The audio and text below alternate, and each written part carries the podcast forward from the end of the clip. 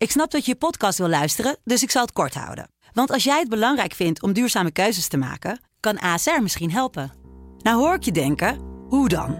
Nou, bijvoorbeeld bij het duurzaam herstellen van schade. Of de premies die we beleggen volgens ons duurzaam beleggingsbeleid. Dat bepaalt waar we wel en juist niet in investeren. Wil je meer weten over welke duurzame keuzes ASR maakt? Ga dan naar asr.nl slash duurzame keuzes. ASR doet het. Zo, dan kan je nu lekker naar je podcast luisteren. Dit is een podcast van de Telegraaf. De stembus. Het is 19 maart 2021, twee dagen na de landelijke verkiezingen. De laatste stembus na drie weken. Mijn naam is Cameron Oela en ik neem graag nog het belangrijkste nieuws door. Bij de ene partij vloeide deze donderdag champagne. Bij de andere partij werd in de middag na de verkiezingen de kater weggespoeld met witte wijn. Inmiddels zijn eh, Annemarie Jorritsma van de VVD en Kasia Ollongren namens D66 aangesteld als verkenners. Maandag beginnen zij hun gesprekken met de, zoals het nu naar uitziet, maar liefst 17 partijen.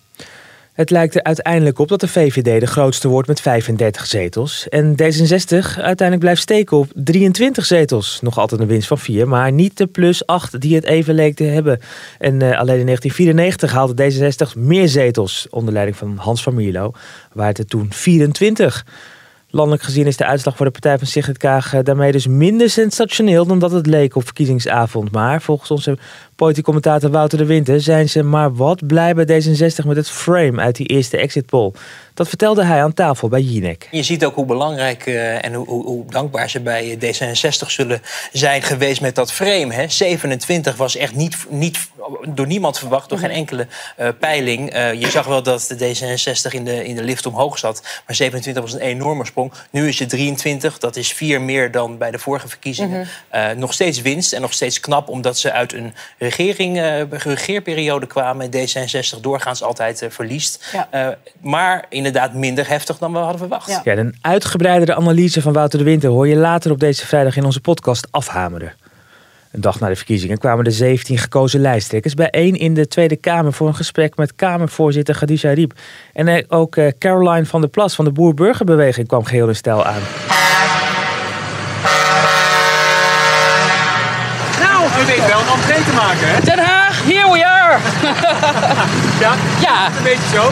Ja, ja, ja. Ik ben niet altijd lenig, maar dat hoeft ook niet hè, voor de politiek. Nee. Dus uh, als je maar lenig in je hersens bent. Ik kreeg al heel veel appjes van boeren vandaag. Van hé, hey, als je met de trekker naar Den Haag wil, uh, bel maar, dat regelen we eventjes. De burgemeester gebeld, politie, uh, nou, het was prima. Ja, de weg die kenden ze nog wel van de protesten. Met de trekker was ze er dus. Maar ze vindt het toch wel vervelend als haar partij geframed wordt als boerenpartij. Goed, 17 lijsttrekkers dus bij elkaar in één ruimte. Dat betekent ook dat voormalig partijgenoten Joost Eertmans en Thierry Baudet elkaar weer onder ogen kwamen. Voor het eerst sinds de implosie van Vorm voor Democratie eind vorig jaar. Bij Jinek vertelt de lijsttrekker van Ja21 over de ontmoeting. We hebben elkaar uh, geknikt. En niet te dichtbij, hoop ik. Of nou, ik zat heel ver weg. Ik weet niet dat ik geloof wel vijf uh, partijen tussen zaten. Oké, okay, dan zitten wij nu veilig. Uh. Ja, zeker. Op afstand. Maar meer ja. dan knikken is, uh, is niet in jullie nou, communicatie. Even, hoi en geknikt. Ja. Maar het was ook te kort, weet je. We waren eigenlijk maar heel snel weer weg ook uit elkaar. En daar, uh, daar bleef het ook bij. Dus het was niet, uh, niet dat je allemaal eens even tijd had om ons, om ons bij te kletsen. Het was trouwens geen lange nacht voor uh, Joost Eertmans. Want de lijsttrekker van Ja21 zat na zijn optreden bij Jinek donderdagavond... vanmorgen op de vrijdagochtend alweer bij Goedemorgen Nederland. De omroep waar hij ooit ook nog voor werkte. Hij vertelde daar uh, dat Rutte flirt met zijn partij in de kabinetsformatie. Nou, Rutte flirt altijd en met iedereen, geloof ik.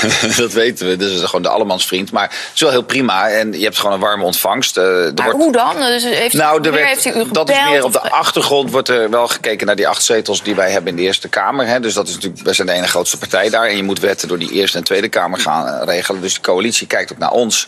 Kijk, wat ik mis in die hele analyse is dat er nog steeds wel een variant mogelijk is met eh, VVD, CDA, D66 en ja, 21. Dan ben je misschien net niet of net wel, dan zou nog de SGP. En dan de verliezer van deze verkiezingen, dat is GroenLinks-leider Jesse Klaver. Die krijgt kritiek eh, van zijn eigen jongerentak. Volgens hen is Klaver de laatste jaren realistischer en rechtser geworden. En daarmee is hij de band met zijn eigen partij kwijtgeraakt.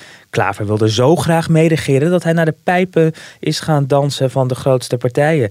Hij is het idealistische en activistische DNA van zijn partij kwijtgeraakt. Zo luidt de kritiek. Ook zou het in de campagne ontbreken aan een sterk verhaal. De jongerentak die roept om een wake-up call en vraagt om consequenties. En ondertussen neemt de roep voor een linkse samenwerking of een linkse fusie zelfs ook eh, toe. Ongetwijfeld daarover en heel veel meer rond de verkiezingen wordt besproken in de podcast Afhameren met Wouter de Winter later deze vrijdag. Dus te horen hier bij de Telegraaf of in uw favoriete podcast app. En daarmee komen we na drie weken bij het einde van de stembus. We zijn ongetwijfeld weer bij de volgende verkiezingen. Tot dan.